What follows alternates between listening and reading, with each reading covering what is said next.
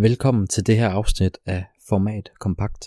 Format Kompakt det er jo, hvor vi genudgiver tidligere afsnit. Og det afsnit, du skal høre her lige om lidt, det er faktisk udgivet for to år siden.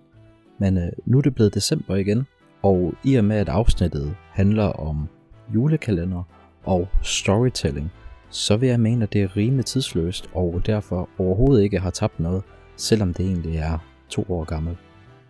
Det er sådan, jeg har jo arbejdet med storytelling lige siden jeg læste på universitetet. Helt tilbage fra studietiden, så har jeg egentlig skrevet projekter omkring storytelling, og har hele vejen gennem min karriere faktisk brugt storytelling i forbindelse med mit arbejde inden for kommunikation og marketing. Og det gjorde det jo, at jeg synes, det var ekstra sjovt, at for to år siden, så tog jeg det her op i et afsnit, fordi nu er jeg jo startet som Head of Content ved Signa, hvor vi netop arbejder med storytelling, og hvor vi gennem film og content hjælper andre virksomheder med at fortælle deres historier. Så det er jo egentlig lidt sjovt, at jeg nu endnu højere grad faktisk også arbejder med storytelling, end jeg har gjort før. Og hvad er storytelling så? Jamen, det kommer jeg til at forklare i afsnittet.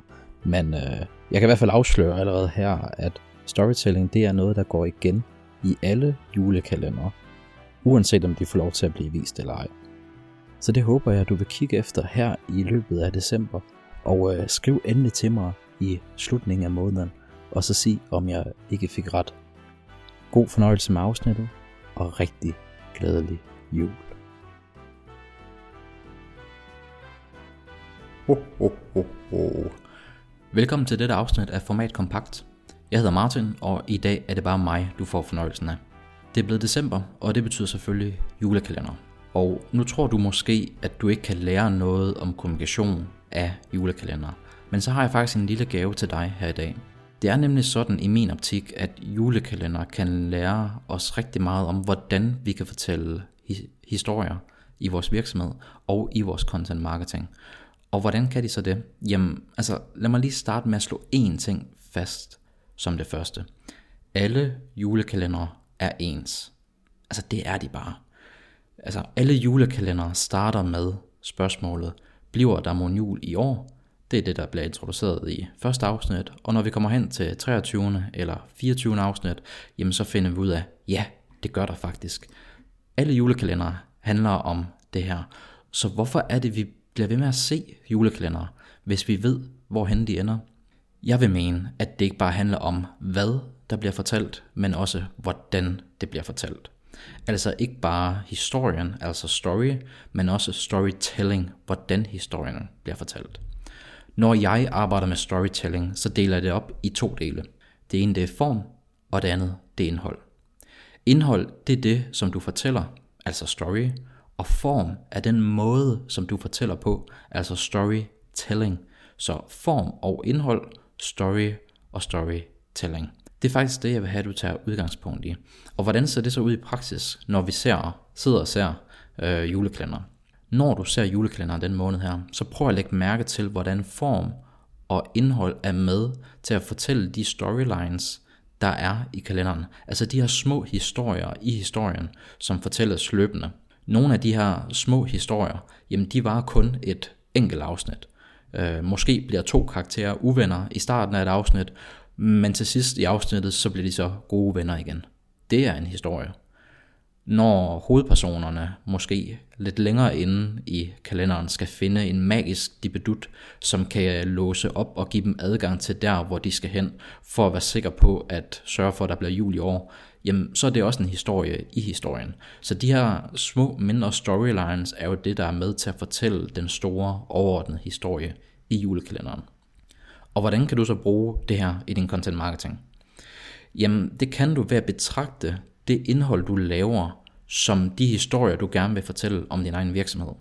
Altså, du skal ikke tænke i opslag, du skal tænke i historier. Og de historier skal så give form til din content marketing, uanset om det er på sociale medier, i nyhedsbrevet på hjemmeside eller på, på andre kanaler. Så den overordnede fortælling er det, der skal give form til jeres content marketing. Og lad os lige prøve at tage to eksempler på det.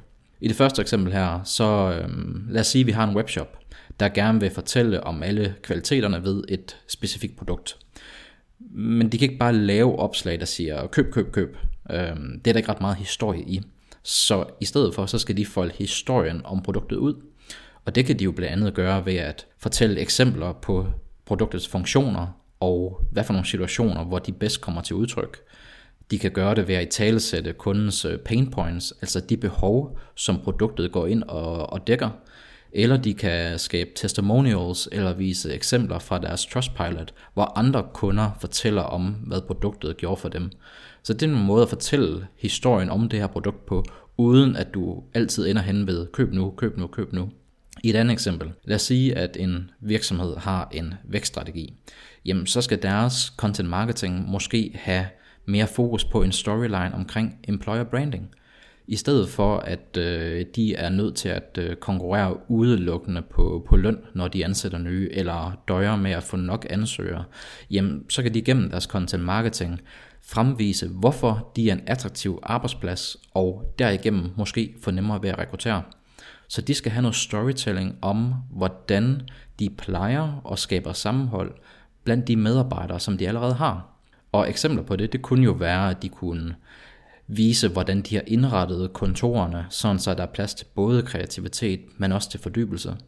De kan øh, give eksempler på, hvordan de prioriterer efter videreuddannelse for deres medarbejdere, eller de kan give eksempler på, hvordan de styrker det sociale sammenhold, der er på kontoret, altså hvad enten det er fredagsbar eller sommerfest, små interne konkurrence eller fejringer eller den slags. De her to forskellige virksomheder kan så bruge historier til at udfolde deres overordnede historie. Og prøv at lægge mærke til, hvordan det ikke bare er et enkelt opslag, hvor de siger, at det her produkt har de her funktioner, køb det nu, eller vi har en fed arbejdsplads, vil du ikke med på holdet nu. De enkelte opslag eller udgivelser, de er koblet til en mere overordnet og men stadig konkret fortælling, der så igen er koblet til virksomhedens store fortælling. Så mit råd er, du skal styr på indhold, før du vælger form. Det er vigtigt, at I ikke bare taler om, at I skal lave en video. Nej, I skal fortælle en historie, hvor video er den form, der bedst understøtter den fortælling. Og selvfølgelig betyder det også, at I har de rigtige kanaler på plads til at få målgruppen til at se videoen i det her tilfælde også. For en ting det er at lave den, en anden ting det er at få den ud, så den rent faktisk bliver engageret med. Og man kan sige det samme om alle de kanaler og alle de platforme formater, som I arbejder med. Nogle af dem vil egne sig bedre til særlige typer historier.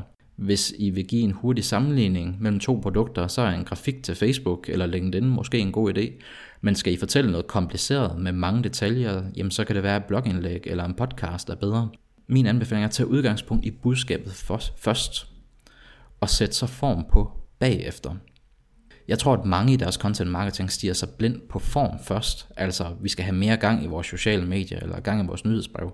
Men inden I kommer så langt, så prøv lige at træde et skridt tilbage og tænk på, hvad det er for nogle historier, I skal fortælle om jeres virksomhed, for til sidst at kunne skabe det brand, som I ønsker at være, eller for at indfri det mål, som I rent faktisk går efter. Og det er det, som jeg mener, du kan lære om storytelling og content marketing, når du ser julekalender. Prøv at tænke på, at alle julekalendere er ens. Altså alle historier er blevet fortalt før, men hvordan vi fortæller de historier, det gør, at din seer eller lytter eller læser eller whatever stadig er motiveret for at engagere sig.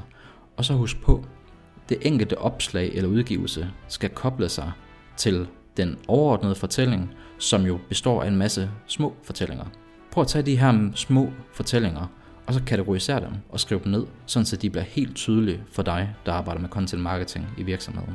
Når du først ligesom har kategoriseret dem, så prøv derfra at brainstorme på, hvordan du kan fortælle de her mindre historier gennem de kanaler, som I har, og så først derefter oversætte dem til form for at give krop til det, I skal i gang med at udgive.